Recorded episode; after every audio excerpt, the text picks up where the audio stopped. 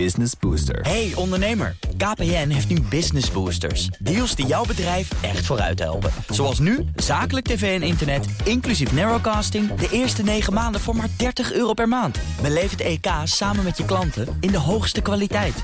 Kijk op kpn.com slash businessbooster. Business Booster. Dit is Nieuwsroom Den Haag. Met Leendert Beekman, Mats Akkerman, Mark Beekhuis, dat ben ik. En eh, we zijn genoemd van de week. Wat zeg ik? Afgelopen nacht door de Kamervoorzitter, mevrouw Bergkamp. Ik vond dat eerlijk gezegd een heel mooi parlementair moment. En het bracht zelfs BNR, eh, de podcaster, toe om te zeggen... deze eh, podcast gaat over een ode aan de twijfel. En ik vond dat mooi. Ik ben ook heel blij dat de media ook aandacht besteedt aan zo'n mooi parlementair moment. Ik had het even niet herkend, want eh, BNR. onze merknaam is nog steeds een beetje ingewikkeld. Ja. BNR. Nee. Misschien moeten we het eh, de mensen vergeven, maar wij heten dus BNR gewoon. Er zit wel trouwens een beetje een droste-effect in, dus ik hoop dat zij er nu ook weer wat over gaat zeggen. Dit is naar aanleiding van een opmerking van mevrouw Bergkamp, Tweede Kamervoorzitter. Die zei, ik wil iets minder gehype en iets meer eh, twijfel misschien. Dat hebben wij toen besproken en nu besprak zij weer dat wij dat bespraken. En nu bespreken wij het weer. bespreken nu dat zij ja, dat ja, ja, ja. Ah, dit is En dat- meta. dus ik, ik hoop echt dat, ze, dat zij de handschoen oppakt en dat zij het nu ook weer gaat benoemen ergens in het nieuwe jaar. ja, want twee keer per jaar gaat Bergkamp dan een praatje houden. Eh, de eerste keer als we naar het zomerreces, het zomerreces ingaan. En aan het eind van het jaar als we de het kerstreces ingaan. Ja, daar Eerst werden we dus genoemd. management trouwens. Ja, wij werden genoemd. Maar even, want wij hebben bij de Nieuwsroom Den Haag volgens mij nog nooit aan recessen gedaan. Ja, wij hebben nu wel reces. We gaan nu voor het eerst, eh, het voelt een beetje onwennig, twee weken er niet zijn. Ja, maar goed, hebben we dat alvast even gezegd? dag. Is dat eh, een zwarte dag voor Nederland? nee, er komt op de radio een hele mooie podcast. En eh, in de podcast heb je van de week al een extra aflevering eh, voor de kerst eh, gekregen. Dus als je die nog niet gehoord hebt, kan je die volgende week ook inhalen. En we hebben een aflevering van vandaag, waar het heel veel gaat over Siewert van Linden. Eh, het zal gaan over excuses, denk ik. Ehm, ik heb echt een 15 minuten lang audio gemaakt over hoe een debat totaal mis kan gaan. Dat doen we helemaal aan het eind. Ik denk voorbij Ja. de eindtune zelfs. Laten we dat op het einde doen. Ja, Voor de fan. Die het is echt, het is voor nerds, het is verschrikkelijk hoe het ging. Maar eh, Ja, wij hebben wel met z'n tweeën in die zaal gezeten. Gaan we zo meteen alles over vertellen. Zeggen, met ik- grote verbazing hebben we daar ik met z'n zat de redactie en ik zei tegen Sophie, ik ga even naar beneden. Want eh, ik ga even voor het eh, theater. En zo gauw ik ging zitten, explodeerde alles eh, voor ons in de zaal. Ja. En ik zat live in de uitzending op dat moment en ik zag, op- ik moest, moest het live volgen en ik zag op de livestream jullie achterhoofden wel de hele Ja, tijd mooi hè? op de perstribune. Siewert, het Siewert-debat over de mondkapjes heeft niet teleurgesteld. Nou, precies. Zullen we het hebben over Siewert als eerste? Of gaan we het eerst hebben over de excuses? Of, eh want we hebben ook nog van een aantal eh, prominente politici...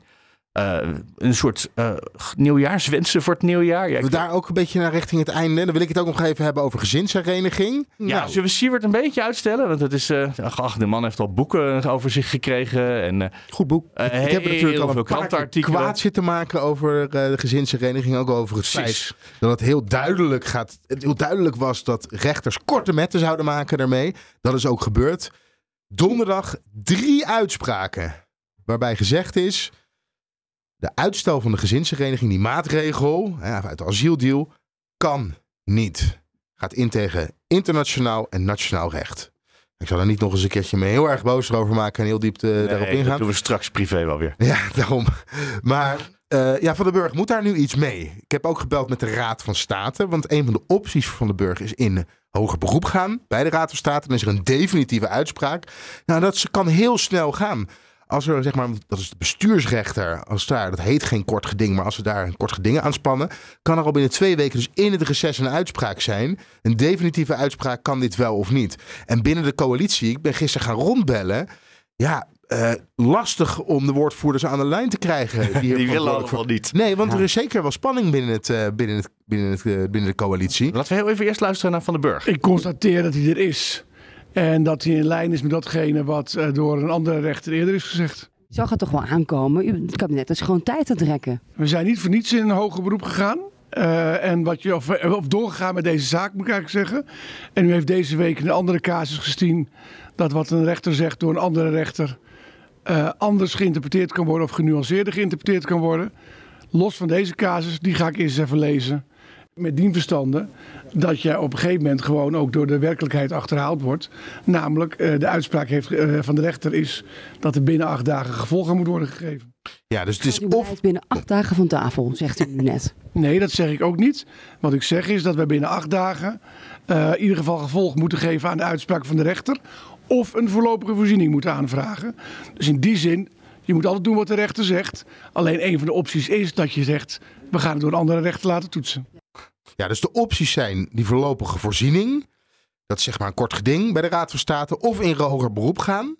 Eh, alleen, ja, als je, ehm, zoals je van de burger hoort vertellen, hij moet binnen zeven dagen moet hij gehoor geven aan wat de rechter heeft, heeft beslist. En dit was van dinsdag, woensdag? Nee, dit is van, eh, van donderdag. is van dit. donderdag. Dus Ja, zeven dus- dagen. Dus het is midden in het kerstreces. Moet in toch gewoon doorwerken? Ja, dus Moet hij weer doorwerken in het Als ze reces? in hoger beroep gaan, dat kan eind januari, begin februari pas behandeld worden.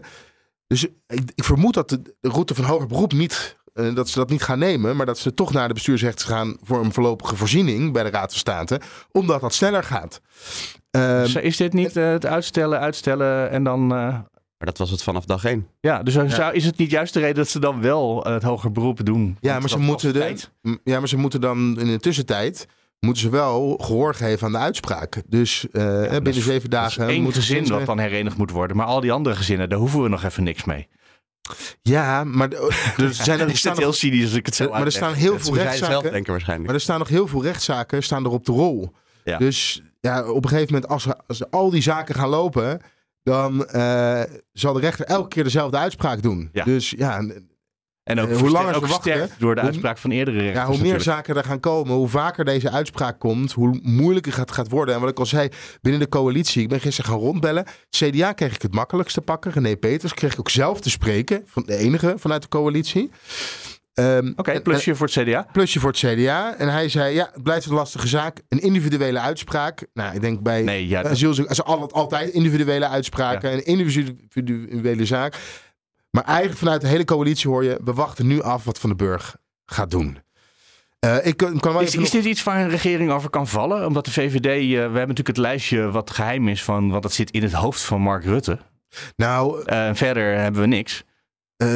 kijk, er wordt al gespind, hè. Ehm, want het, in eerste instantie wil de VVD wil iets doen aan de instroom van asiel.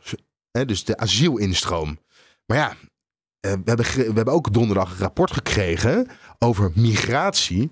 En daarin is weer heel duidelijk te lezen dat de aanpak van asielinstroom heel erg lastig is. Ik zou graag daar nog eventjes een stukje uit willen citeren. Adviesraad Migratie over instroom. Er zijn belangrijke verschillen tussen eh, asielmigratie 12% en arbeidsmigratie 24%. Bij asielmigratie zijn quota met, de boven, met een bovengrens niet mogelijk vanwege internationale en Europese verdragen waar Nederland zich zelf partij in is en baat bij heeft. En wat ze nu aan het spinnen zijn, dat zie je ook bij het CDA naar aanleiding van dit rapport. Ze zeggen ja, wij moeten sturen op een quotum voor migratie. Maar ze gaan toe aan het gaan naar arbeidsmigratie. Eh, en dat Wat ook heel moeilijk is, dat- want dat gaat heel veel ChristenUnie over wil dat ook wel. eh, Poolse timmerlieden en eh Precies. Bulgare- Bulgaarse Ja. loodgieters. Als je echt effectief iets wil doen tegen arbeidsmigratie, dan moet je ook buiten de EU kijken. Want binnen de EU zijn er ook maar weinig knoppen om aan Ja. te draaien. D66 is voor arbeidsmigratie, ChristenUnie tegen. CDA wil daar nu ook iets aan doen. Maar de VVD wil eigenlijk die asielinstroom. Dat is beloofd aan de achterban. Ja, dus je voelt al hoe lastig, met dat citaat van de net. Want Ja. asielinstroom kan je eigenlijk niks aan doen. Dit wordt, migratie wordt echt een heel groot, is en blijft een groot Maar kunnen ze elkaar niet vinden? Want deze, jij zegt D66 is voor arbeidsmigratie. Ehm, maar ik heb Jan Paternotte daar wel over gehoord dat dat dan meer is voor eh, hooggeschoolde arbeidsmigratie. Mensen die bij die Brainport Eindhoven kunnen gaan werken, bij ASML. Dat we dat nodig hebben om te blijven Precies. ontwikkelen. En niet per se die, die onderbetaalde... Ja, maar er moeten eh, toch ook allemaal kastarbeiders in slechte warmtepompen in omstandigheden. huizen geïnstalleerd worden en gewoon eh, stekkers in stopcontacten overal worden gemaakt. Eh, dat is Ja. allemaal werk. Maar waar ze elkaar wel gaan vinden is dat, kijk, ook eh, vanuit van binnen Europa, die arbeidsmigratie, als dat gebeurt bijvoorbeeld door uitzendbureaus, dan worden hier werklui of, of in een slager worden mensen ge- of in kassen gedetacheerd voor het minimumloon. Maar het minimumloon in Hongarije of in Roemenië. Ja, en dan eh, zijn ze hier echt concurrerend op de arbeidsmarkt. Onder slechte arbeidsomstandigheden. Daaraan kan je werken. En dat wil eigenlijk kamerbreed iedereen wel. Maar de vraag is, gaat dat hele migratieprobleem eh, een kabinetscrisis opleveren. Ja. ik denk dat dat wel goed mogelijk is. Als ik kijk hoe lang er gisteren gedaan is, eh, vooral vanuit D66 en ChristenUnie, om te reageren op de uitspraak van de rechter. En wat moeten we hier nou mee? Want zij hebben gezegd, ja, we, die gezinshereniging, we willen dat getoest hebben bij de Raad van State en we geloven hier eigenlijk niet in. Vorige week nog in een commissiedebat herhaald.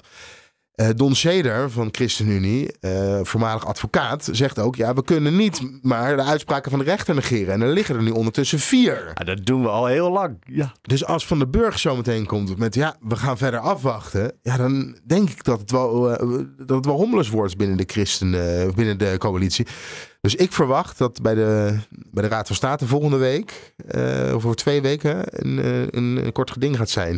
Maar verwacht jij dat Van den Burg in het kerstreces nog met iets gaat komen? Dan? Ja, ja, ja, zeker. Hij uh, komt Hij vandaag zelfs nog met een reactie. Uh, Naar de ministerraad. Ja, ja. Van, vandaag, vrijdag gaan we hier nog iets over horen de manier waarop ze het gaan aanpakken. Maar dat, dat, dit is een ongekend probleem nu binnen de coalitie. Hier, uh, hier moet iets mee gebeuren. En wij maar denken dat stikstof het grote probleem was. Of de oorlog, of uh, corona. We hebben al die al grote crisis gehad die Mark Rutte zegt... nee, dit is de grootste crisis uit mijn uh, hele carrière tot nu toe. Maar dit is misschien de echte? Nou ja, dit is een crisis. Hè, als je het over echt de instroom van asielzoekers hebt... daar wil binnen de coalitie één partij, of de CDA ook wel echt iets aan doen. De andere partijen eigenlijk willen daar niet, aan. Hè? En gezinshereniging ligt natuurlijk ook weer bij de ChristenUnie. Hè? Bij een, familiepartij ligt dat wel heel erg gevoelig. Ja. Om daar uh, in, ja, inbreuk in te gaan. Uh, Die zijn ook tegen quota, heeft Seder ook wel eens gezegd. Ja, ja, ja, je zou verwachten dat een partij als de VVD ook heel erg is gericht op uh, dat het juridisch klopt. Ja, Hè? precies. Law and order. Maar dat, als je dan zegt, ja, de rechter doet niet wat we willen, dan vinden we law niet zo belangrijk. Maar als je het over de asielinstroom hebt, en, en, en daar zullen een, een, paar luisteraars niet mee eens zijn, maar in stikstofcrisis, in de wooncrisis, ja. uh, zelfs in de koopkrachtcrisis is er zicht op een oplossing zijn er mogelijke oplossingen aan te dragen. Hier net. Ja, en in de asielcrisis ja, lijkt het toch wel heel lastig te gaan worden. Want hoe lang zijn we nu al met het migratievraagstuk bezig? Ik heb een andere oplossing voor. Uh, want wat, wat Mark Rutte echt heel goed kan, is sorry zeggen. Dat hebben we deze week gezien. dus hij kan gewoon tegen zijn achterban zeggen wat hij ook tegen uh, de. Ja, je moet slaaf. Ik vind dat nog steeds moeilijk. Tot slaafgemaakte. Tot slaafgemaakte uh, gezegd heeft. Vandaag bied ik namens de Nederlandse regering excuses aan voor het handelen van de Nederlandse staat in het verleden. Postuum aan alle tot slaafgemaakten die wereldwijd onder dat handelen hebben geleden. Aan hun dochters en zonen en aan al hun nazaten tot in het hier en nu. Zal ik je vertellen? Ik knip het er wel uit. Maar zal ik je vertellen waarom ik dat een moeilijk woord vind tot slaafgemaakte? Nou. De, de gedachte erachter is dat het anders heel logisch zou klinken dat mensen slaaf zijn. En dat je dus moet benadrukken dat het echt helemaal niet logisch is dat ze slaaf zijn, maar dat ze tot slaaf gemaakt zijn. Ik vind het echt een belachelijk idee om te denken dat mensen slaaf uh, zouden moeten zijn. Dus ik, ik heb die aanmoediging, die zie ik als een belediging dat ze mij niet serieus nemen. Maar goed, het gaat niet over mij. Nee, sorry. Ik zou Mark er wel in laten, dit, deze overdenking. Ja, ja hoor. Oké. Okay. Nou, uh, sorry, zegt Mark Rutte. En uh, volgens mij was uh, vriend en vrijhand, behalve misschien iemand in Suriname, het er wel enthousiast over, hè? Ja, vrij onverwacht was iedereen best wel enthousiast. Maar ik denk ten eerste dat verhaal was natuurlijk heel goed. Ik weet niet in hoeverre die daar zelf aan had geschreven. Oh, of, of welke speechwriter hierachter zat. Maar het was gewoon echt een goed verhaal. We zaten met z'n allen op de redactie te volgen. En iedereen zat echt wel zo van, ja, toch wel indrukwekkend, mooi verwoord. En van tevoren was natuurlijk, waren er heel veel partijen die zeiden, nou, we moeten nog maar eens zien of we dit gaan accepteren. En heel snel daarna kwamen al de eerste persalarmen van uh, volgens mij Aruba. En ik weet niet meer precies in welke volgorde, maar dat er inderdaad uh, werd gezegd, goed dat hij zegt, uh, dit is geen punt, maar een komma en een mooie eerste stap. En ja, toch wel voor mij in ieder geval vrij onverwacht heel veel positieve reacties. Ja, ik weet niet of dat was Sylvana Simons, maar... die inderdaad helemaal emotioneel ervan werd. Dat is, uh, dus het kwam aan. Dat nou, lijkt me, hij, lijkt me bij uitstek iemand waarvan het belangrijk is dat zij ja. uh, haar zegen daaraan geeft natuurlijk. Omdat zij heel erg die groep vertegenwoordigt ook. Ja, we gaan niet het hele uh, verhaal uitzenden hier. Maar ehm, hij, zei ook, hij deed iets slims. Hij zei we gaan vandaag een komma zetten. We delen niet alleen het verleden, maar ook de toekomst. Dus zetten we vandaag een komma geen punt. Het gesprek over het slavernijverleden moet zo breed mogelijk worden gevoerd. Niet alleen in Nederland, maar juist ook op de plekken waar het gebeurde. Met iedereen die betrokken is of zich betrokken voelt. Ja, en dit gaat nog wel. Die komma gaat nog een flink staartje krijgen. Je hebt ondertussen een dropje gepakt. Ja, je hebt een beetje last van je keel. Ja, en, eh, Mats ook. Mats ook. Hebben jullie elkaar meegenomen op de ja. redactie daar? Nou goed.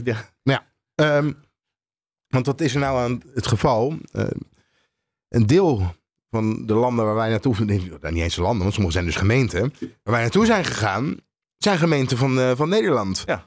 Ehm, maar als je daar kijkt naar het minimumloon, naar de uitkeringen, zijn veel lager dan Ja. in Nederland. Dat is eigenlijk heel gek. Nou ja, de kosten van het levensonderhoud zijn er ook heel veel lager. Nee, heel veel hoger. En die er hoger? Dus Ja, de, want is, is, is een brood en een melk daar Ja, duurder? het is, eh, boodschappen is heel duur, omdat ze alles moeten importeren. Bijna alles. Het leven is, eh, behalve woning, eh, de, het vinden van een woning, is het leven hartstikke duur op die eilanden. Dat is onze oplossing voor het woningtekort. Ja, ja. energie is ook hartstikke duur. Ja. Het is wel zo op Saba dat ze daar voor elkaar gekregen hebben om overdag alles met zonnepanelen eh, te voorzien van stroom. Dat is heel Mhm. knap. Maar dit gaat, die, die comma gaat een, gaat een staartje krijgen. Want ja, er gaat nu ook, er wordt, gaat toch echt wel gezegd worden. Hé, hey, eh, we willen wel gelijke behandeling. We zijn gewoon een gemeente van Nederland. En eh, ja, bij ons gelden er eh ja, ander minimumloon. Nou, ik noemde het net al. Dus ja. Ja. En eh, nou ja, we hebben nog een half jaar, want in juli dan komt het hoogtepunt van de herdenkingen die nu zo'n beetje begonnen zijn. Ja, naast mijn huis altijd. Dat is mooi. Is het naast jouw huis? Ah, Het Oosterpark, ja. Dat is echt, dan loop ik de deur uit en dan ben ik daar. Met de koning ook erbij? Ja, misschien gaat hij dan ook excuses maken. Dat, is natuurlijk, dat willen ze heel graag. Zou hij dat doen? Hij heeft wel laatst dat onderzoek naar zijn eigen, of nou niet naar zijn persoonlijke koloniale verleden, maar van het Koningshuis laten instellen. Ja. Wat wel Dat voor mij wel het signaal afgeeft van dat hij ja, er wel mee bezig is in ieder geval. Ja, het zou wel mooi zijn toch, als de koning dan eh, op 1 juli in het Oosterpark eh, daar dat doet. Ja, dit was toch ook al de minister-president van het kabinet der koning. Dus de koning heeft het toch al een beetje gezegd. Dat, dat klopt ook. Maar wat ik wel leuk vind aan, zo, ja. Eh, je zou ook genoeg mensen horen die vinden dat het Koningshuis geen excuses hoeft te maken, omdat het zo lang geleden is. Eh, en ja, waarom zou je je verantwoordelijk moeten voelen voor de daden van je voorouders? Maar nou is het koningschap nou juist een instituut waarbij wie je voorouders zijn wel heel erg belangrijk is. Dus als er één iemand is die toch wel excuses zou kunnen maken in ieder geval voor wat een voorouder gedaan heeft, omdat hij nog steeds de vruchten daarvan plukt, dan zou het toch wel Willem-Alexander kunnen zijn. En Willem-Alexander kan het ook heel goed. Want hij heeft natuurlijk al een paar keer excuses moeten maken de Nou. afgelopen jaren. Nou, Ik die, herinner me die verspreking toen hij excuses in Ja. Indonesië ging maken. toen niet. Nee, maar zaken die met Griekenland te maken hadden en vakantie vieren en zo. En dat, Ja, ja. dat hij dingen verkeerd had ingeschat. bootjes kopen. Meestal moet zijn vrouw naast hem zitten om Ja. te aaien. Of eh, in een, in een interview met Thijs van Nieuwkerk zeggen dat, dat het stom was dat hij een bootje ging kopen. Maar hij wilde hem zo graag. Ja, dat heb je soms hè, Mark. Wil je een bootje van de 2 miljoen, maar het is coronatijd. Hier gaan wij nog in het komend half jaar waarschijnlijk heel veel van, eh, van meekrijgen, denk ik. Ik zie net dat het een zaterdag is, dus dat is mooi. Dan eh, kan ik er sowieso wel naartoe. Oké, we hebben het lang genoeg uitgesteld. We kunnen het hebben over Siewert. Wat Was het het hoogtepunt van de week eigenlijk wel een beetje? Voor hè? mij niet, maar ik vind het... Nee. Maar goed. eh, Er zijn niet zo heel veel spraakmakende debatten afgelopen week in, eh, in de Kamer geweest. Er waren heel veel twee minuten debatten. En dat Ja. zijn de saaiste debatten die er zijn. Want dan leest iedereen een motie voor. En dan zegt daarna de minister of de staatssecretaris tegen de coalitiepolitici. Oké. En tegen de oppositie. Nou, misschien beter van niet. Of mag ik hem helemaal uit verband eh, draaien en hem anders uitleggen dan u bedoelde? Ja. Want Eh, eigenlijk dan geef eh, ik een oordeelkamer. Voor het eind van het jaar waren nog... eh, de- Die twee minuten debatten worden dan ingepland... omdat er in die commissiezalen geen moties ingediend kunnen worden. Dus dan moet dat in de plenaire zaal. Daarvoor wordt dan een twee minuten debat ingepland. En dan kunnen die moties alsnog ingediend worden. Ja. Recordjaar aantal moties. eh 5000 uiteindelijk. Er is een speciale werkgroep bezig geweest, toch? Om het aantal moties terug te brengen. Ja, er zijn al zo vaak... Dat, ik ik las een stuk in de Volkskrant dat het echt teruggaat naar... Zelfs de LPF heeft ooit nog gevraagd om minder moties. Oh, maar daar is- doen ze niet heel erg aan mee. Ja, ja, ze bestaan niet meer. Maar de mensen die daar, zoals eh, Eertmans, Nou, die, eh, ja, ja, ja. die dient ook wel zijn motie in, toch? Ja, maar het is het middel van de kleine partijen, hè? Om toch te laten zien dat je, dat je wat eh, wil. Dus hebben we vooral meer moties omdat we meer partijen hebben. Ja, daar lijkt het wel op. Ja, Ja. Nou, dan valt er niks aan te doen. Ja, je wilt toch een beetje je stempel drukken. Dus Ja. ja, maar dan je maar wil ook motie. gewoon heel, heel stevig optreden in het debat. En de minister confronteren met eh, zaken die eigenlijk niet meer kunnen, waardoor hij wat toe moet geven. Ook al doet hij het misschien niet in de praktijk, want we gaan eerst nog helemaal via de Hoge Raad eh, alles eh, aanvechten. Maar je hoeft, het hoeft niet per se via een motie.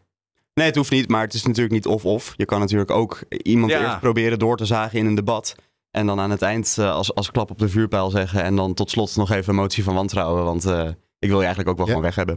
Ja, maar er zijn ook heel veel, eh, heel veel kleine moties. eh, eh, waarbij ze al echt duidelijk is dat het motie niet gaat halen, maar dat het voor de achterban bedoeld is. Hè? Dus ja, Om, om aan te tonen dat de Ja. coalitie dit echt niet wil. ja, we- nee, nee, ja, of ja, precies. Van, eh, en, en jij iets wel wil. Wij blijven, wij blijven achter onze boeren staan Ja. en willen de kritische depositiewaarde uit de wet hebben. Motie. Nou, haalt het niet, maar kan je daarna wel op internet zetten en kijk eens hoe wij achter de We boeren hebben, ook wel, we hebben ook wel gehad dat er drie vrijwel identieke moties achter elkaar werden voorgelezen. Nou ja, tekenend. eh, dinsdag waren de stemmingen. En er waren in, eh, tijdens die stemmingen waren vijf, keer, vijf moties met dezelfde strekking. Namelijk verwerp de hele nieuwe pensioenwet. Maar die zaten dan ook los van elkaar op volgorde. Dus op een gegeven moment werd er dan ook een beetje gelachen. Als er dan weer zo'n motie kwam met eh, Ja. motie XX, huppel de pup. Ja. eh, verwerp de pensioenwet. En dan Hebben ze een soort coördinator nodig? Iemand die zegt, deze motie hebben we al. Als jullie nou samen gaan, dan kan het. Maar anders, die, die motie, we gaan geen eh, duplicaten doen. Ja, dat zou goed zijn. Of dat er gewoon. Ik zag een oproep op Twitter die ik wel interessant vond. Om dan een minimaal percentage zetels erachter te hebben voor je Ja, mag daar- indienen. Ja, maar daar kwam. eh, dat, dat is nou het voorstel waar de LPF ooit mee aan kwam zetten. Ja. Ja. Dus je, moet, je kan niet in je, als één pitter, je moet wel een paar partijen mee hebben voordat je je motie kan indienen. Kampioenmoties indienen is overigens de SP. Nou, die Ja. hebben best veel zetels, dus die hebben er waarschijnlijk eh, geen probleem mee dan. Ja, het hangt er vanaf hoe hoog die drempel ligt. Ja, maar ja, ja ehm, de andere, andere middelen is bijvoorbeeld een wetsvoorstel indienen. Dat is iets meer werk dan een motietje schrijven. Hè? Ja, Ja, en dat wordt ook afgewezen dan. Ja. Dus kan je maar beter even... Precies, en gaat over tot de orde van de dag. Ehm Siebert, daar waren Siebert, we. daar begonnen we mee. Ja, hoe kwamen we op de moties? Ik weet het niet eens meer. Ja, het was, ja, omdat dit het enige debat deze week Enige niet, was. twee minuten debat. Oh ja. Waar een beetje spanning nog op zat. Nou, en dat, dat, eh, dat bleek ook wel. Nou, zat er spanning op, want er was gewoon een minister die niet van plan was iets te gaan zeggen. En er zat een Siebert van Linden heel in, lang eh, volgehouden. En Siebert van Linden zat op de tribune, maar ja, die mag niks doen. Nou ja, maar hij deed wel heel veel, hè? Hij, eh non-verbaal. Ja, Mats zat Ja, er ook bij. Ja, ja, we zaten afwisselend bij dat debat. Het begon, kijk, hij zat daar en niemand wist dat van tevoren. Die Kamerleden ook niet. Of nou, misschien dat hij een CDA had geappt, dat zou kunnen. Maar eh, hij zat daar onverwacht. En dan zit je daar als Kamerlid in, voor een vrijwel lege publieke tribune. En er zit daar één persoon in zijn grijze hoodie. Siebert van Linden. Precies in de persoon. Ja. ja, pontificaal. Echt een hele prominente plek, Cozy. En in een debat waarbij zijn naam gewoon, waarvan je weet, zijn naam gaat daar honderdduizend keer vallen. Ehm, en sommige Kamerleden begonnen ook hem een soort van een beetje daarin te betrekken aan het begin. Bijvoorbeeld eh Farid Azarkan zei in zijn eerste bijdrage eh, ook iets van... ja, en ik zie Siewert nu eh, lachen op de tribune. Nou, dat deed hij een paar keer. Er werd toen op een gegeven moment ingegrepen met... ja, laten we niet iemand erbij betrekken die zich niet kan verweren. Maar andersom gebeurde het ook, wat heel grappig was... wat jij ook wel hebt meegekregen volgens mij... dat Siewert heel opzichtig en actief op dingen aan het reageren was. Dus dat hij heel erg aan het nee schudden was of Zuchten. zuchten. Ja. Ehm, omzicht zei op een gegeven moment. Dat is eh, overigens niet toegestaan. Dus daarover werd hij toen de zaal uitgezet? Eh, hij werd er wel op aangesproken. Ja, daarna is hij ook niet meer teruggekomen voor... eh, voor- Ah, hij moest even naar het toilet inderdaad. Zullen we dat En, even eh, laten horen, het hoogtepunt van de week? Meneer Verlinden, van wie heeft u die 9 miljoen nou gekregen? Ik eh, wil liever niet gefilmd worden hier. Volgens mij moet je Nou, niet ik stel gewoon een vraag, ik film u niet. Van wie heeft u die 9 miljoen gekregen? Was het Hugo de Jonge? Heeft hij de deal er doorheen geduwd? Sorry, ik geef Was geen dit de deal toestemming. van Hugo de Jonge of was het Martin van Rijn? Met wie had u beter contact? Ik zou zeggen, lees het eh, rapport van Waarom zit u eigenlijk op de publieke tribune? U kunt het ook gewoon vanuit uw huis volgen natuurlijk. Meneer Van Linden, waarom bent u hier? Wat doet u hier? Eh, te luisteren. Maar dat kunt ook vanuit huis. Waarom zit u hier? Sorry, mag ik heel even door de deur? Ik ga even naar het toilet. U kunt toch gewoon zeggen of het Hugo de Jonge was of niet? Ik zou zeggen, lees gewoon het rapport en dan weet je dat dat een onjuiste vraag is. Het ministerie heeft zijn deal er doorheen geduwd en het ministerie was het ministerie van Hugo de Jonge. Nee, ik heb gewoon altijd met ambtenaren gesproken. Succes met passen. Ja, ik zei, eh, pak hem allemaal aan, maar je hebt het wel serieus genomen. Eh, dat- Soms voor. Ja. Die man heeft 9 miljoen.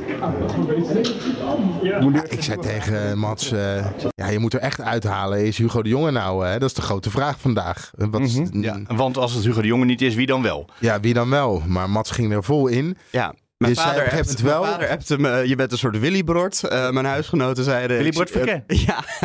Ja. Je zei, je zei op een gegeven moment gewoon... Eh, het is Hugo de Jonge, vertel het, zeg het nou gewoon. Ja, dat, dat- ja, toen leg je hem echt de woorden in de mond. Ja. Ehm, maar het is natuurlijk wel een gekke gewaarwording dat je bij zo'n debat zit. En de grote vraag is, en dat lees je ook in eh, het feitenrelaas, zoals het door Connie Helder consequent genoemd werd, het rapport van Deloitte. Eh, er is een deal gesloten. VWS heeft dat getekend onder protest van het consortium, hè, die, eh, waar de hulpmiddelen geregeld werden. Maar er is politieke druk geweest om het te tekenen. Maar welke politieke druk? En Connie Helder doet eigenlijk net alsof het vooral de politieke druk en de, de, de, eh, de, de druk in de Kamer Ja, de en de maatschappij, samenleving was, in de maatschappij. ja. Maar de Kamer gelooft het helemaal niet. Eh, een groot deel van de Kamer wil gewoon weten: was dat nou een verantwoordelijk minister of staatssecretaris? Maar dat staat niet in dat rapport wat Nee. 6 miljoen of zoiets gekost heeft. Ja. Dat is dus wel, eh, ze hebben er ook een jaar langer over onderzocht dan van tevoren bedacht was. Dus ze hebben er echt heel veel werk van gemaakt. Maar de- gewoon de essentie. Ja, en dan wat is was nou de reden dat die deal doorgeduwd werd? Door wie? En dan zegt ze, want er zijn heel veel, eh, is er al bekend, hè? Het, het smerige pisverhaal, zoals ze het consequent in de, in de Kamer noemen. Hè? Mhm. Eh, eh, kan jij hem goed citeren? Wie kan hem weer helemaal goed citeren? dat kan maar beter vind in, inside pissing out hebben dan outside pissing in. Ja, dat heeft Hugo de Jonge dus eh, eh, ooit geappt. Naar zijn politiek assistent, meen ik. Maar wat Connie Helder zegt, je hebt een lied. En die, de lied is binnengebracht door Hugo de Jonge. Dat deed de Kamer ook, lieds binnenbrengen. Dus dat is helemaal niks vreemds. En dan heb je nog het sluiten van de deal. En bij de lied was Hugo de Jonge overduidelijk betrokken. Maar daarna, ja, waar Maar de politiek... De deal weten we niet. De deal weten we niet. Dat is nu het, spelletje. En wat ook Connie Helder doet, en dat vond ik wel heel interessant. Connie Helder sprak zich uit eh, voor het vervolgen van hè, het geld terughalen bij Siewert van Linden. En dat vind ik heel apart. Omdat namelijk uit dat feitenrelaas blijkt dat VWS op de hoogte was van een commerciële deal. Dat ze met een BV eh, zaken deden. Dat er een winstoogmerk was. Eh, en eh, ze hebben willens en wetens, ondanks dat er dus heel veel kritiek op was, hebben ze de deal gesloten. Nou, hoe kan je dan zeggen, we zijn in de maling genomen? Dan ben je toch met open ogen, heb je die deal gesloten? Bovendien is het wat ze zegt ook weer gewoon he- helemaal tegenstrijdig met wat ze zelf eerder in het debat zei. Maar ook wat eerdere ministers zeiden. Want Tamara van Ark, vorige minister voor medische zorg, heeft hier eerder in het debat over gezegd: er was niks mis met deze deal. Eh, dit is gewoon, eh, we wisten dat er geld verdiend zou worden en dit is oké verlopen. En dat, dat Siewert dan loog naar de buitenwereld. Maar is niet werd chic, duidelijk maar- met de schuldvraag, daar wordt duidelijk mee gespeeld. Aan de ene kant is dus de, de, de, de, de druk kwam vanuit de samenleving en de Kamer. En Siewert van Liende blijft uiteindelijk degene die de boel heeft misleid. En de boef. Ja, er werd En gevraagd we- naar eh, wie was nou de eigenaar van het bedrijf. En toen bleek uiteindelijk dat dat niet de goede vraag was. De vraag was wie zijn de aandeelhouders? En dat waren dezelfde mensen eigenlijk. Behalve dat Stewart geloof ik niet in de directie zat van het bedrijf, maar of niet de eigenaar was. Maar dat soort kleine nuance, dat je de verkeerde vraag stelt, krijg je het verkeerde antwoord. Namelijk Ja. niks aan de hand, loopt u maar door. Ja, en ja, op, dat is dus afschuiven van verantwoordelijkheid. Hè? Het is helemaal politiek gemaakt dit. Ja, En ik, nou, ik moet ook zeggen, we hadden het hier eh, op die dag zelf nog over. Aan het begin van het debat, toen de eerste termijn bezig was, en dan praten de Kamerleden nog met elkaar. De minister komt dan nog niet aan het woord. Toen zei ik nog tegen jou, ik heb het wel een beetje te doen met Connie Helder. Ja, Want eh, die vrouw is een beetje de puinruimer van Rutte 4. Die moest naar Qatar, waar, ja, waar ze eigenlijk iemand naartoe moesten sturen. Nou ja, doe dan maar Connie Helder. Eh, nu moet ze die mondkapjesdeal oplossen voor Hugo de Jonge. Want zelf was ze daar natuurlijk toen nog helemaal niet bij. Dus ik had eerst nog wel een soort van medelijden en wat sympathie met haar. Ja. Want Ik dacht, arme vrouw moet dat debat voeren voor iets waar ze helemaal niet bij betrokken is geweest. alle sympathie verspeeld hè. Alle sympathie verspeeld. Want toen kwam haar, haar termijn.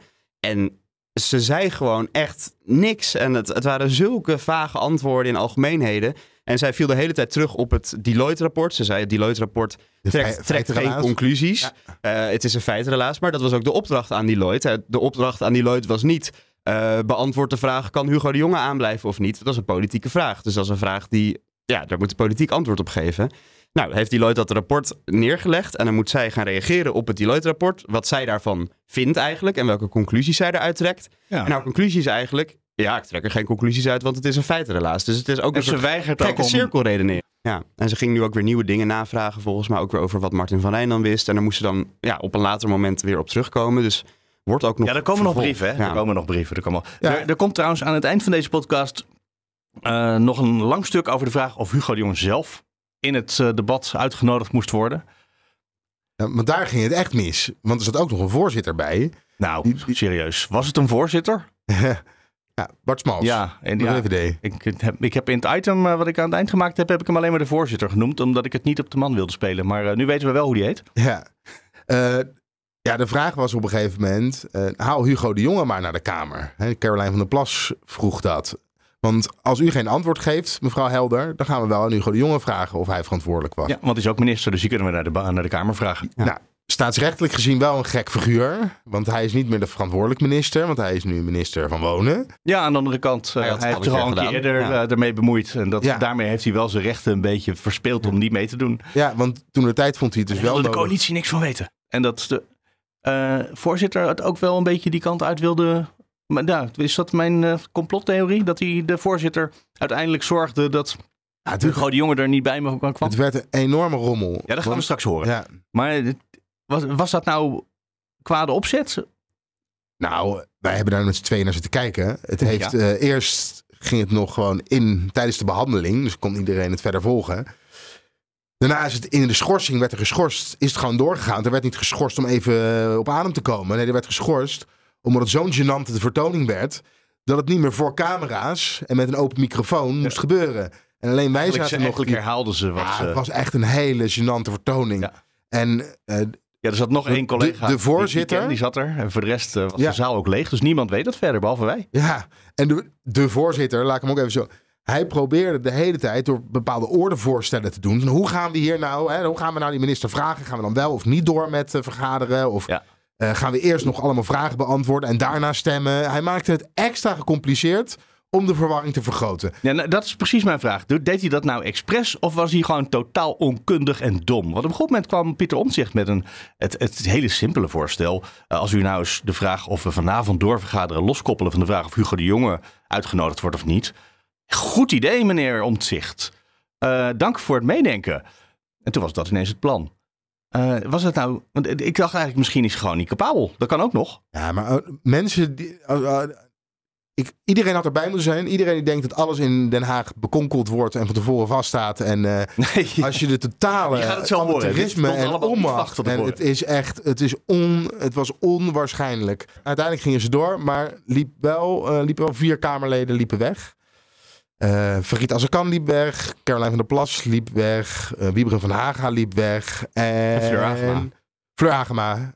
Ja, Want ze wil eigenlijk niet meer verder. Ze Die zei, we krijgen, ja, maar Oh. dat was heel logisch. Want die zei, we krijgen geen antwoord. Dus waarom zouden we nog vragen stellen? Nee, en dat snap ik ook wel. Want Ze hadden Fleur, gelijk, Fleur? Agema had de dag daarvoor de hele dag thuis voorbereid op dat debat. Echt een hele dag zichzelf afgesloten. Alleen maar om al die stukken uit Deloitte nog een keer door te lezen.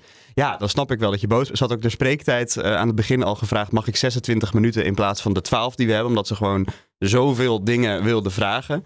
Ja, als er dan niks komt. Ja, maar dat, Ja. goed, ik ben het daar helemaal niet mee eens. Want iedereen voor, eh, zo onge- voor ongelooflijk veel debatten bereiden Kamerleden het hartstikke goed voor met lange bijdragen en veel vragen. En het gebeurt veel vaker in de Kamer dat er slechte of geen antwoorden op vragen komen van Kamerleden. En als iedereen zijn boeltje gaat pakken op het moment dat ze de vragen naar zijn, hè, naar- naar- naar zijn inzicht niet voldoen, ja, dan krijgen we echt heel veel vergaderingen waar. eh, Ja, de een Kamerleden hele lekkere weglopen. korte vergaderingen. Ja. Terwijl nu in de afgelopen half jaar ging het nog wel eens tot eh, voorbij middernacht. Ja, het, is, het, het was een beetje kinderachtig Ja? om weg te lopen, vond ik. Maar ja, eens. En het is natuurlijk ontzettend voor de bühne. Want je weet, je krijgt dan weer aandacht als je zoiets doet. het ook over. Maar wij, ik kijk wel regelmatig Kamerdebat. Ik heb er best wel veel gezien. En ik heb e- echt zelden gezien dat de minister zo weinig zegt eigenlijk. Ze had daar net zo goed niet kunnen zitten. Nou, meestal gebeurt dat niet in een eh, commissievergadering, maar gebeurt dat in de plenaire zaal. Dat is misschien wel eh, wat het deze keer anders maakte. Ja. Ja. Jij hebt nog een fotograaf gesproken. Kan je daar even vanzelfsprekend heel natuurlijk, uh, natuurlijk naartoe praten? Ja, want uh, Siewert zat dus in die zaal. Uh, en uh, ja, in de Tweede Kamer zijn natuurlijk fotografen. En Siewert uh, wilde niet gefotografeerd worden, hè, want die fotografen kwamen gewoon de zaal en gingen foto's van hem maken. Nou, je hebt ze waarschijnlijk wel gezien in de krant, Siewert eenzaam op de tribune. Maar Siewert liep op een gegeven moment naar die, uh, zo'n bode toe, hè, die, dat kamerpersoneel, van ja, uh, dit mag niet hier, kunnen jullie die fotografen weghalen? En zij wisten ook niet zo goed hoe het zat met de regels, gingen communicatie bellen, mag je dan wel foto's maken in zo'n zaal? Uh, je bent op een publieke plek. Uh, hij is een publiek figuur. Uh, ja, die fotografen zeiden allemaal gewoon... joh, wij mogen wel gewoon foto's maken... maar die werden toch even de deur uitgestuurd, rol, rolluiken licht. En ik sprak uh, fotograaf Freek van den Berg daar even over op de gang. Er is wat verwarring. Mogen jullie nou wel of niet foto's hier maken? Ja, wel, uiteindelijk. Ja, Siebert is hier gaan zitten. nou, dan weet je, dan, dan zijn daar waarschijnlijk wat mensen bij... maar nu is hij toch boos op jullie. Ja, hij wil geen foto's maken. Of hij wil dat wij geen foto's maken van hem. Wat ik op zich ook wel kan voorstellen. Het is natuurlijk een beetje ongemakkelijk als je in je eentje in zo'n zaal zit. Maar Ja, hij is een publiek figuur en eh, hij is nieuws. Dan eh, vind ik als journalist dat ik het recht heb om daar foto's van te maken. Ja, en nou is het ook wel, ja, ik vind het een fascinerend beeld. Ik zit dan op die persrij en ik kijk achter me, de hele publieke tribune leeg. En dan zit daar één persoon, Siewert van Linden. Hoe, hoe maak je daar dan een, foto, een mooie foto van? Nou ja, die eenzaamheid is natuurlijk mooi. Sowieso. Omdat die jongen er denk ik ook eh, echt alleen voor staat op dit moment. En dan is zo'n lege tribune om hem heen. Beetje symbolisch eigenlijk. Ja, eigenlijk wel, ja. Volgens mij heeft Freek van buiten de zaal, en ik heb die foto in jou laten zien, een fantastische foto gemaakt. Van achterop. Van achterop, Siewert in zijn eentje. En je zag de lichtlijnen, want er zijn lichtlijnen door zo'n zaal. Die prachtige foto eh, heeft het opgeleverd. Siewert wilde niet met mij praten. Nee, gaf ook niet met Mats. Nee, maar ik gaf hem een handje. Ik dacht, ja, ik heb het nu zo vaak over Ja, hem gehad. ik had het eh, op de harde manier geprobeerd. Van, En ik probeer doe het het gewoon manier. Ja. de gang. Want in, je mag geen geluidsopnames maken in de zaal. Dus moest op, toen hij naar de wc ging. Leender dacht, ik probeer het misschien op de, de, de vriendelijke manier. Ja, dus ik dacht in die zaal, ik geef me een handje. Ik, ik gaf hem een hand en ik zei van, joh... eh, nou? kan ik, nou, kan ik zo nog even wat... heb je tijd voor wat vragen? Zei hij, nee, ik kom alleen om te luisteren. En zeker jou niet. Want ik heb gehoord wat je allemaal over me gezegd hebt. Oh, wat leuk dat hij luistert naar deze podcast. Ja, dat dacht ik toen ook. maar goed. Je bent welkom, eh, Siewert, als luisteraar. En sorry toch dat ik je zo gestalkt heb naar de wc. Maar het is natuurlijk wel gewoon een interessante vraag. Want dit debat is vanuit huis te volgen. Dus al- zijn reden voor daar zijn was... ik wil het debat volgen. Nou, dat kan ook vanuit huis. Je weet gewoon met zijn status... als je daar gaat zitten, natuurlijk gaan er journalisten zijn... fotografen, cameramensen en gaan mensen jou vragen stellen. Ehm, Dus het was een hele wonderlijke situatie. het was of een uiting van narcisme of een provocatie. het was Maar een provocatie. In, alle, maar in allebei de gevallen is het logisch dat jullie met hem willen praten of een foto van Tuurlijk. hem maken. En hij wil geen antwoord geven. Hij komt alleen luisteren. Maar, eh Ja, maar daar Siewert zit van Linden iets. heeft vervolgens op Twitter, toen hij niet meer in de zaal zat, eh, is hij even losgegaan. En dan denk ik, ja, eh, het hele verhaal rondom, rondom Siewert begon met Twitterberichten over mondkapjes. Siewert, die zijn... Nou, dan is het wel terecht dat hij daar nu ook naar terug Ja, en nu grijpt hij ook weer eh, naar het medium Twitter om daar te laten weten wat Siewert ervan vindt. En ben dan een kerel, als je dan naar de kamer komt en je gaat je ook uitlaten op Twitter, ja, kom dan ook gewoon voor die microfoon. Ja, en ga dan inderdaad niet zeggen, geen foto's, geen vragen. En ja, ik had daar ook nog een gesprekje over trouwens tijdens de schorsing. Toen we nog zaten te wachten tot Siewert naar buiten kwam. Met eh Farid Azarkan, die het ook wel verwonderlijk vond wat er aan de hand was. Nou, hij, heeft, hij heeft last van hetzelfde euvel, hetzelfde probleem als eh, Hugo de Jonge. Hij vindt beeldvorming heel belangrijk. Hij zat hier in de zaal en mijn PA zat achter hem. En die zag dat hij de hele tijd aan het kijken was naar Twitter wat ze van hem vonden. Ja, maar wat is dit nou voor beeldvorming? Want je bent een beetje volksvijand nummer 1 en dan ga je toch daar op dat debat zitten. Je kan dit ook vanuit huis volgen. Wat, zou nou zijn reden zijn om hier te gaan zitten? Ja, dat is een combinatie van een so- soort, je zou kunnen zeggen, eh, stoerheid, lef in combinatie met een soort sadomasochisme. Jezelf graag willen pijnigen. Eh, Denk ik, Eh, misschien heeft hij ook niet zoveel meer te doen. Strafrechtelijk wordt hij onderzocht. Dus ja, leuk verzetje. Ik kan het niet bedenken, maar moet er naar gissen. Nee, en dan hebben we ook nog een soort ruzie met de fotografen. Want die willen hem natuurlijk allemaal op de foto zetten. Maar dat, dat, dat mag dan niet, of wel. Ze vinden zelf van wel. Maar Siewert wil in ieder geval niet op de foto. Ja, maar kijk, dat is nou het, het voordeel. Eh, als je hier bent, dan, dan richt je je naar de regels van de Tweede Kamer. En volgens mij mag dat gewoon. Ja, en, en weet je, ik heb één ding geleerd. eh, if you can't stand the heat, get out of the kitchen. Je moet je hier niet eh, vertonen en vervolgens zeggen... ja, en nou wil ik dat er van mij geen foto's worden gemaakt. Dat is openbaar. Debat is openbaar. Als je daar zit, is het bekend. En, en dan mogen foto- fotografen gewoon een foto van je maken. Dus niet zo flauw doen. Farid Azarkan was die dag wel in vorm, zullen we maar zeggen. Ook met het eh, beledigen van, eh van Siewert van Linden. Want hij zei op een gegeven moment in het debat... Siewert zou het voor de armen doen. 10 miljoen voor de armen. Maar niemand wist dat het 5 miljoen onder de linkerarm was... en 5 miljoen onder de rechterarm. Nou, dat leidde op Twitter in ieder geval tot hilariteit. En op een gegeven moment zei hij ook over Siewert... We hebben het hier over een 30-jarige wiens grootste verdienste was... af en toe iets zeggen in DWDD waar iedereen zich aan stoorde. En ik, toen hij dat zei, zat ik in de zaal... En ja, Siewert, ja, die zie je daar wel op reageren natuurlijk op het moment dat dit soort... eh, Azarkan Nou, is zo, hij is zo aandacht, grappig. toch? Hij is zo grappig. Zullen we afronden, naar het einde gaan? Eh, ik heb nog, en dat is door een speling van het lot, zowel mevrouw Bergkamp als meneer Azarkan, die ons de beste wensen gaan wensen voor het dan nieuwe kiezen jaar. we voor Berg. En we hebben het allebei al gehad. Ja, Ja. ja. dat is wat ik heb meegekregen, dus die ga ik gewoon lekker laten horen. Oké. Ja, 2023, mijn wens dat alle toeslagenouders en kinderen geholpen zijn. Gaat dat lukken? Dat hoop ik. Dat we niet meer in de kou zitten. Dat de oorlog in de Oekraïne is afgerond. Dat de mensen eh, een beetje geld erbij hebben gekregen, zodat ze de boodschapjes kunnen betalen. Dat er ook meer saamhorigheid is, dat we weer meer om elkaar geven. Ja, en mijn, en mijn laatste wens is dat we dan een eh, soort rutteloos eh, 2023 krijgen.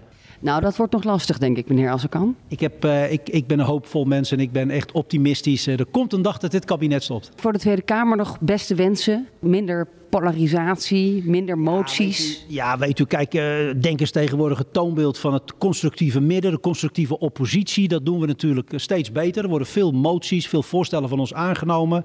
Ik zou willen dat andere partijen daar een voorbeeld aan namen. Het, het is wel veel. Twintig partijen in de Kamer is echt veel. Eh, ik vind het belangrijk dat, dat, dat eh, ja, de volksvertegenwoordiging zo breed is. Maar het, het geeft wel wat uitdagingen tijdens commissiedebatten, plenaire debatten. Duurt soms wat langer. Maar goed, ik heb ook niet meteen een eh, kant-en-klare oplossing. Ik, ik, wens de collega's toe dat ze, dat ze rust nemen. Dat ze, nou ja, dat ze ook, ook reflecteren op het jaar. Dat ze ook voor hun gezin wat tijd uittrekken. Voor hun vrienden. Hun gezondheid in acht nemen. En dat we in het nieuwe jaar weer volop. Met misschien iets minder eh, gedoe dan dit jaar. Met elkaar kunnen kijken naar de grote problemen van Nederland. Want die zijn er echt. Vorige week hadden we nog kerstbelletjes eh, meegenomen. Ben ik deze week vergeten. Anders is dit wel het moment om er even wat rinkeltjes doorheen te doen. Ja, tringelingeling. We kunnen nog Caroline doen. laten horen die een kerstliedje ging zingen op Twitter. Maar misschien moeten we dat de luisteraars besparen. Nee, laten we dat, Dat niet doen. besparen we. Laten we dus gewoon even kijken wat mevrouw Bergkamp ons toewenst voor het nieuwjaar. Uw wensen voor het eh, nieuwjaar en de kerstdagen. Vera Bergkamp, Kamervoorzitter. Ja, ik hoop dat eh, positieve, goede momenten meer aandacht krijgen in de media. Minder ophef. Ja, minder aandacht voor ophef in de media. En voor de rest is het natuurlijk heel persoonlijk en wens ik iedereen een heel mooi, gelukkig, gezond 2023. Met veel liefde, gezondheid. Eh, en de mensen die het wat moeilijker hebben, heel veel sterkte. De kerstdagen, feestdagen zijn niet voor iedereen vrolijk. En die mensen wens ik veel sterkte. En die kijken denk ik uit naar het nieuwe jaar. Dat het maar een beter jaar mag worden dan 2022. Ook voor u? Nou, dat, dat, dat valt te bezien. Ik ben gezond eh, en, en eh, ik heb dierbaren om me heen. Heel veel is goed gegaan. Dus deze vraag hoop ik nou weer, hè, dat, dat staat een beetje haaks op wat ik net zei. Gewoon meer aandacht voor de mooie en positieve dingen. En de motie inflatie. We hebben een record aantal moties gezien eh, dit jaar. Hoe gaan we verder? Nou, dit is een heel goed onderwerp voor de Commissie voor de Werkwijze. Dat is een commissie die aandacht besteedt aan ja, hoe we met elkaar samenwerken als Kamer. En ik vind dit een terecht punt om te agenderen. En gebeurt dat niet, dan ga ik het zelf doen. Gaat u zelf toen de komende weken een beetje uitrusten? Ik ga lekker eh, relaxen. eh, maar ik, ik hou ook heel erg van kerst. Ik hou erg van de kerstsfeer. Dus ik, vind, ik verheug me ook heel erg om, om even wat andere dingen te doen. En eh, nou ja, vandaag nog een keer stemmen met elkaar. Ik heb vanavond nog een debat. Ik heb nu nog een debat. En het is ook altijd wel een bijzondere, hele leuke dag ook in de Kamer. Hoe laat gaat het worden? Dan kan, kan ik daar even rekening mee houden. Drie uur. Ik ga zelfs BNR noemen in mijn kersttoespraak trouwens. Dus blijf wakker. Tussen 1 en 2 eh, misschien. Als ik dat een gok mag doen, dan eh, ja. Sophie had ook even BNR eh, moeten corrigeren hier. Sorry mevrouw, wij heten BNR. U weet het toch wel. Ja, dat weten ze toch wel. Nou, Maar het gebeurde inderdaad wel. Tot slot een bijzondere dag in de Tweede Kamer. Hoe gaat het er dan aan toe? De hele dag korte debatjes. Ja, de altijd hele twee dag minuten. stemmingen. Dus twee keer eh, grote stemmingen, lange stemmingen. En ondertussen konden we een, in Nieuwsport aan het lopend buffet. En later was er een feest in Nieuwsport. Nou, even over dat lopend buffet. En ik vertel het nog wat leuks aan het einde. Tjeerd de Groot van We zijn nog niet aan het einde. Je D66. krijgt zo nog een kwartier van ons. Ja, ga verder. Eh, van D66. Zo blij als een kind. Want er was een lopend buffet. En hij had uitgevonden dat patat bij alle gangen goed smaakt. Dus zowel bij het voorgerecht, het hoofdgerecht. als bij het toetje had hij patat genomen. En hij raadde ons allemaal aan om ook patat te nemen bij alle gerechten die we aan gingen. En wat was het toetje waar de patat bij moest? Ja, dat was chocoladepudding was dat. Dus waar hij, had, hij had aangeraden om bij Ah, elke... ja, ja, ja, ja. Zout en chocola, dat is Ja. echt heel erg hip. Dus, het is eh, wel circulaire kringloop biofriet dan toch, hoop ik, bij Tjeerd de Groot? Of is dat... Ja, dat kan eh, eigenlijk niet anders. Er stond ook veel st- stoofvlees en zo. in En, Nieuwsport, eh, met al die linkse journalisten die daar rondlopen. Ah, dat valt reuze mee trouwens. ja, dat valt mee, ja. Kom, wij gaan ook iedereen denk ik een prachtige kerst wensen. Ja. En een gelukkig nieuwjaar alvast, want dan komen we pas eh, in het nieuwe jaar. Nou, ik kan jou iets vertellen, Mark. Eh, wij we- eh, hebben geen. eh, in een andere podcast doen ze dat wel. Dat ze een voorspelling doen. Maar laten we even een voorspelling doen. Moeten we bij, tijdens het kerstreces terugkomen? Ik denk het wel. Ik denk Ja? dat we in de tweede week van het kerstreces. dat ik in ieder geval naar Den Haag moet om naar eh, Erik van den Burg te luisteren.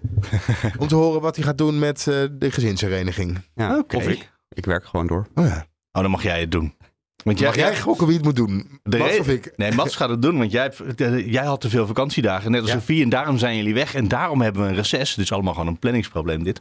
Ik denk dat ik pas weer op de 13e terug ben. Dus eh, tenminste in ieder geval voor deze podcast. Tot, eh, tot dan. Mis het nu al. Tot dan. Nee, jij, nog, we gaan nog niet weg. Blijf nog even luisteren eh, naar hoe het allerslechtste debat van het jaar deze week werd gevoerd. Dat gebeurde tijdens het debat over de mondkapjesdeal. En de vraag was inderdaad, we hebben het net al een beetje besproken... of Hugo de Jonge wel of niet uitgenodigd moest worden. Eh, het is niet het mooiste einde van een podcast. Maar het is wel goed dat je het kan horen. Het is een forensisch onderzoek. Het is een onafhankelijk forensisch onderzoek. Terug naar de bron. Alle eindjes aan elkaar knopen. Het begint ermee dat een flink deel van de Kamer niet tevreden is over de antwoorden van minister Helder. Zij verschuilt zich achter het rapport. Als het daar niet in staat, ja, dan is het er niet. Dat is het verwijt in elk geval. Dus ik lees het er niet uit. En ik vind dat het niet goed is om daar verder naar te gissen. Maar verder ja, lees ik het er gewoon niet uit. Dank u wel. Dan geef ik het woord aan meneer Van Houweling. Ik Voorzitter, wel- ik wil een punt van orde maken. Oh. Want we kunnen hier uren eh, om elkaar heen blijven draaien. Eh, er wordt steeds gezegd, eh, ik lees het niet zo in het rapport. Ik wil graag een voorstel doen om ehm, de, minister, voormalig minister van Volksgezondheid hier zelf uit te nodigen, zodat we hem rechtstreeks zelf kunnen vragen. Want dit gaat niet eh, opschieten, dit gaat tot eh, vannacht vijf uur eh, duren. De voormalige minister van VWS heeft eerder ook al een debat over de mondkapjes bijgewoond. Heeft toen gezegd, hoewel het staatsrechtelijk ongebruikelijk is, hecht ik eraan om de vragen die zijn opgekomen zelf te beantwoorden en de context kunnen toelichten. Dus ik wil nu graag eigenlijk het voorstel doen om de voormalige minister hier zelf naartoe te halen. Mevrouw Agema, dat is, we Ja. hebben even een orderdebatje Ja, nu. hè. Laat kijk, even eh, voor de helderheid. Kijk, een wat we hebben orderdebatje. is dat, eh, nou ja, eh, wat we hebben is dat de, de minister van Medisch Zorg en Sport eh, van Rijn, die is al voor de bus gegooid. Dus dat is wat we al hebben. En wat we ook hebben is dat de minister zegt dat Hugo de Jonge verantwoordelijk is voor het binnenbrengen van de lead. Ja, ik nou, wil- dan lijkt het me logisch dat we verder praten met, met Hugo de Jonge. Dat betekent overigens wel dat het dus... eh, eh, dat kan niet vanavond, hè? Dat, eh, Oké. Meneer Van Haga. Ik steun dit van harte, want het heeft geen zin om op deze manier verder te praten. Meneer Van Houweling. Steun. Meneer Azarkan. Steun. Mevrouw Van den Berg. Ja, voorzitter, ik vind dat staatsrechtelijk echt eh, helemaal eh, erg vreemd. Dus ik zou geen steun. Mevrouw Thiele. Nee, geen steun, eh, voorzitter. Meneer Heijn. Kijk, we hebben dat eerder gedaan. En dat was toen op het verzoek van de minister zelf. Dus eh, het lijkt mij, nu we veel meer informatie hebben, eh, dat het heel logisch is om dat met eh, de voormalige minister van VWS te bespreken. Ook eh, misschien nu het hem wat minder goed uitkomt. Dus Steun, eh, niet op zijn verzoek is steun dus, ja. Meneer Omtzigt. Steun, voorzitter. Mevrouw Westerveld. Nou, voorzitter, ik twijfel vooral omdat ik nog best wel wat vragen heb gesteld. En dat geldt ook voor de collega's waar ik wel graag antwoord op zou willen hebben. Al- Als daar in ieder geval vragen op komen, dan antwoorden op komen, dan kan ik het verzoek wel steunen. Ik ga zo meteen proberen iets af te concluderen. Mevrouw Paulusma. Geen steun, voorzitter. Mevrouw Bikker. Voorzitter, ik heb in het aprildebat de eh, minister van Volkshuisvesting, Ruimtelijke Ordening, de mantel uitgeveegd. Dat hij deze stap gedaan heeft. Ik zie echt een ambtsverantwoordelijkheid en daarom geen steun. Eén ogenblik. Ik moet even Waar ik overleggen. wel het dat ik- ongemak heb natuurlijk. Ik bedoel, dat heeft iedereen. Nee. Maar zo zit het staatsrechtelijk in elkaar. Geen steun, zegt u. Geen steun? Geen steun. Ik ga nu even, als u mij even één minuut geeft, ga ik even kijken hoe ik dit formeel goed doe. Eén ogenblik.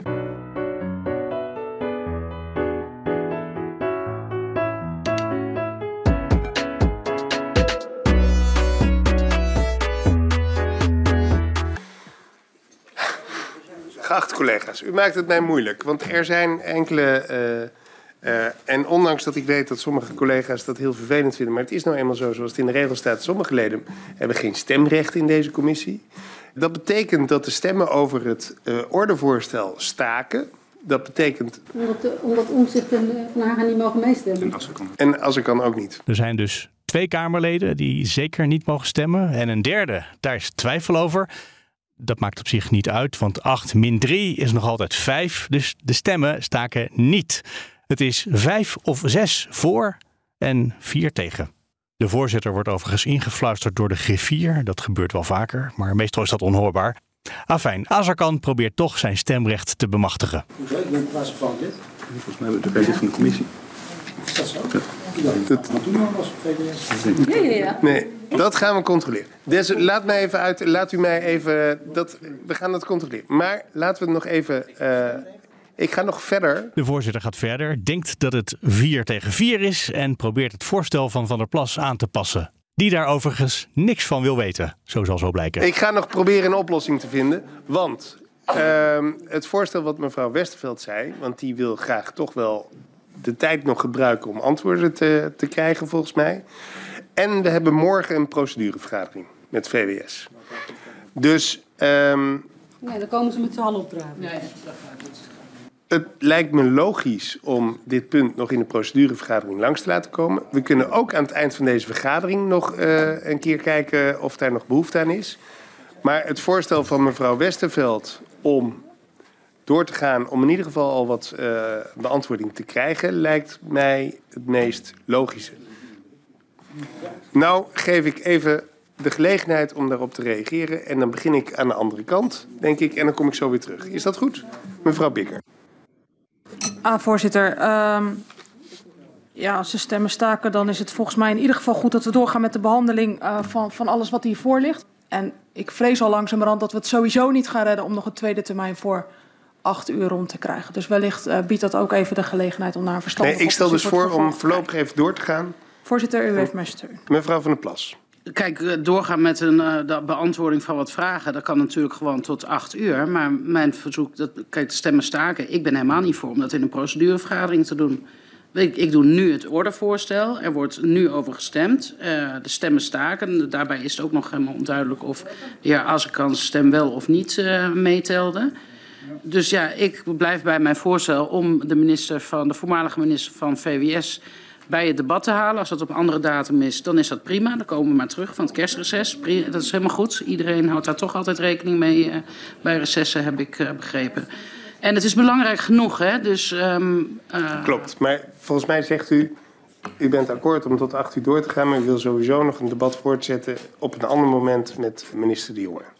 Ja, zodat we hem op deze, waar we nu al, wat is het, anderhalf uur mee bezig zijn, om gewoon antwoorden te krijgen. Mevrouw Paulusma. Dank u wel, mevrouw Paulusma. Ja, oh, ik, ik wil eigenlijk gewoon even het, randje, het rondje Ja, gaan, maar voordat we dit helemaal gaan doen, wil ik even terug naar de stemverhouding. Want die is mij gewoon niet, eh, niet helder. Eh, ik tel namelijk vier aanwezige coalitiepartijen. En ik tel in ieder geval vijf. eh, want ik neem aan, mevrouw van der Plas is ook lid van de, de commissie met stemrecht. Dan tel ik vijf eh, oppositiepartijen die voor het voorstel eh, zijn. Eh, van Haga heeft geen stemrecht, Omtzigt heeft geen stemrecht. Als ik kan blijkbaar ook niet, houden er nog steeds vijf over. Laat u mij even eh, de tijd om dit rustig uit te zoeken... om te voorkomen dat ik alsnog een fout maak... eh, zoals meneer Heink mij wellicht daarop wijst. Ze zijn er, zou je denken. Bij de SP kunnen ze tellen en de stemmen staken niet langer. Maar dat is niet hoe de voorzitter het ziet. We gaan het gewoon opnieuw doen. We doen het gewoon met handopsteking, dan is het duidelijk. We beginnen eh, met het Alleen voorstel... stemgerechtigde mogen. Alleen stemgerechtigde leden. Ja, dat, het, is, het is niet anders. Ik kan er niks aan doen. Heel armoedig. En dan... eh, Er is gemor in de zaal, maar de voorzitter laat zich niet afleiden. Hij doet de stemming over. En en passant verandert de voorzitter daarbij wel het voorstel van Van der Plas in twee voorstellen. Twee voorstellen die bovendien niet zijn wat Van der Plas voorstelde. ik ga het als volgt doen. 100 vragen. Ik ga het als volgt doen. Als u goed oplet. Ik ga twee ordevoorstellen aan u voorleggen. Eentje is gewoon nu te staken, punt. Het tweede is door te gaan en op een later moment verder te gaan met eh, We eh, hebben allemaal geen, voor, geen meerderheid. Ja. de eh, minister eh, De Jonge. Dus snapt u zeg maar conform het, het voorstel wat mevrouw Westerveld deed. Om nu wel in ieder geval de tijd te gebruiken. Dus het eerste voorstel is gewoon nu staken. Omdat eh, minister Jonge wij nu niet hier erbij kunnen krijgen. Dus laten we daar eerst de hand over opsteken. Ik ben, heb dan wel geen stemrecht, maar ik snap het voorstel niet helemaal. Als er nu gestaakt wordt, wordt de minister De Jonge dan ook uitgenodigd? Dus hij wordt sowieso uitgenodigd in beide voorstellen. Want dat lijkt me niet helemaal logisch, want er waren hier mensen die wilden hem niet uitnodigen. Dus Nee, dan staken we nu de vergadering. Want dat was het oorspronkelijke voorstel van mevrouw Van der Plas. Ehm, nee, dat was niet het voorstel van mevrouw Van der Plas, want die wilde alleen maar Hugo de Jonge uitnodigen. Nou, voorzitter, dan mag ik, mag ik u vragen om twee, mag ik vragen om twee dingen te doen. Mag ik u vragen om eerst in stemming te brengen of minister De Jonge uitgenodigd moet worden. En daarna of dat ja of nee is, op dat moment in stemming te brengen of we het schriftelijk afdoen dan tot acht uur verder gaan. Dan heeft u een volgorde waarbij er een duidelijke uitkomst komt. Dank u wel voor uw hulp, meneer Omtzigt. Een heel goed voorstel. Nog iemand anders die hier iets over wil zeggen? Ja, want toch even een verhelderende vraag eh, met betrekking tot het ordevoorstel. Mevrouw Tiele van de VVD. Dus ik snap heel goed dat mensen zeggen, ja, het gaat, het gaat over een voormalig minister, dus we willen van die minister zelf horen hoe het zit. En dat klinkt allemaal heel vervelend, dat staatsrechtelijke, maar we hebben niet voor niks uh, dat soort afspraken democratisch uh, vastgesteld. Wacht even, dit... dit, dit. Het is gewoon heel raar. Ja, dank u wel voor de vraag. Uh, ik zag ook nog mevrouw Van den Berg die een opmerking wilde maken. En daarna ga ik mevrouw Van der Plas geef ik het woord. Ik zei dus geen steun, want zeggen staatsrechtelijk uh, ja, uh, klopt dit uh, gewoon niet. Is de minister die, die hier nu aanwezig is, die is staatsrechtelijk verantwoordelijk. Mevrouw Van der Plas. Nou, volgens mij was mijn ordevoorstel duidelijk. Er worden hier gewoon geen antwoorden gegeven. En degene die er antwoord op kan geven, dat is de voormalige minister van VWS. En ik vind het een beetje onzin, voorzitter om te verschuilen achter van ja, staatsrechtelijk is dat heel raar. Ja, de minister van, nee, luister, de minister van, uh, de voormalige minister van VWS heeft bij het vorige mondkapjesdebat, toen is het verzoek ook gekomen, toen heeft hij ook gezegd, hoewel het staatsrechtelijk ongebruikelijk is, ben ik bereid om als er vragen zijn uh, om die te antwoorden en die in de context te plaatsen. Maar dat wordt gevoegelijk vergeten bij het zeggen van ja, maar staatsrechtelijk Wacht, is dat heel ja, raar. Mevrouw van der Plas, ik, ik, probeer dit echt zo feitelijk mogelijk te houden. Ja, alleen maar... procedureel, want anders wordt het, gaat het heel lang duren. Dus nou, maar dat speelt ga, natuurlijk wel mee. Ik ga één rondje doen en dan ga ik, uh, dan ga ik uh, conform het voorstel van meneer Omtzigt, ga ik gewoon peilen. En dan zien we wat eruit komt. Eerst mevrouw Bikker. Staatsrechtelijk gezien is hij op dat moment geen minister van VWS meer. En als oud-minister van VWS, als hij daarover moet spreken, dan heeft de Kamer andere instrumenten. Dat zijn de horingen, dat zijn de enquêtes. Dat zijn onze instrumenten om oud-bewindspersonen in hun hoedanigheid van oud-bewindspersoon te ondervragen. Dus voorzitter, ik kan hier niet mee instemmen. Het is een puinhoop, zou ik zeggen. Maar één raadsel wordt nu toch opgehelderd. Hoe het zit met het stemrecht van Azarkan. Meneer Azarkan? Ja, voorzitter. Ik begrijp nu waarom u aan het begin uh, de opmerking maakte over mijn aanwezigheid. Ik was uh, in de veronderstelling dat wij hadden doorgegeven dat ik plaatsvervangend lid was en niet Van Baarlands. Had ik dat netjes ook aan u gevraagd. Uh, dat hebben we net via de mail alsnog gewijzigd. Dus we hebben het in overeenstemming gebracht met hoe ik dacht dat het was. En, en daarmee ga ik ervan uit dat ik stemrecht heb. Welkom in de commissie. Nou, nee, meneer Assekan, uh, uh, daar kan ik helaas niet in meegaan. Dat, dat moet eerst even verwerkt worden. Het is niet zo dat we met een mailtje dat kunnen regelen. Dat, ik ga uit van aan het begin van de vergadering zoals het is en zo is het.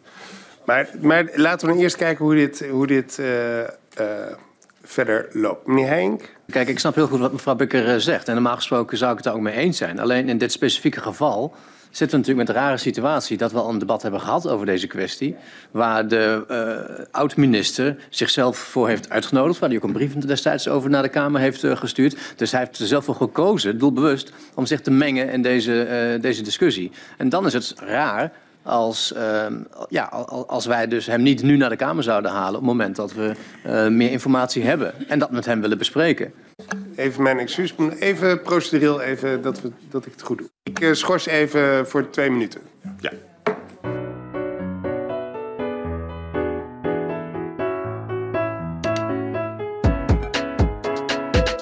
Debat wordt weer even geschorst en eigenlijk wordt alles gewoon nog eens herhaald, maar nu met de microfoon uit. En dat betekent dat er ineens voornamen worden gebruikt in plaats van achternamen, maar inhoudelijk mis je niet zoveel aan wat je niet kan horen.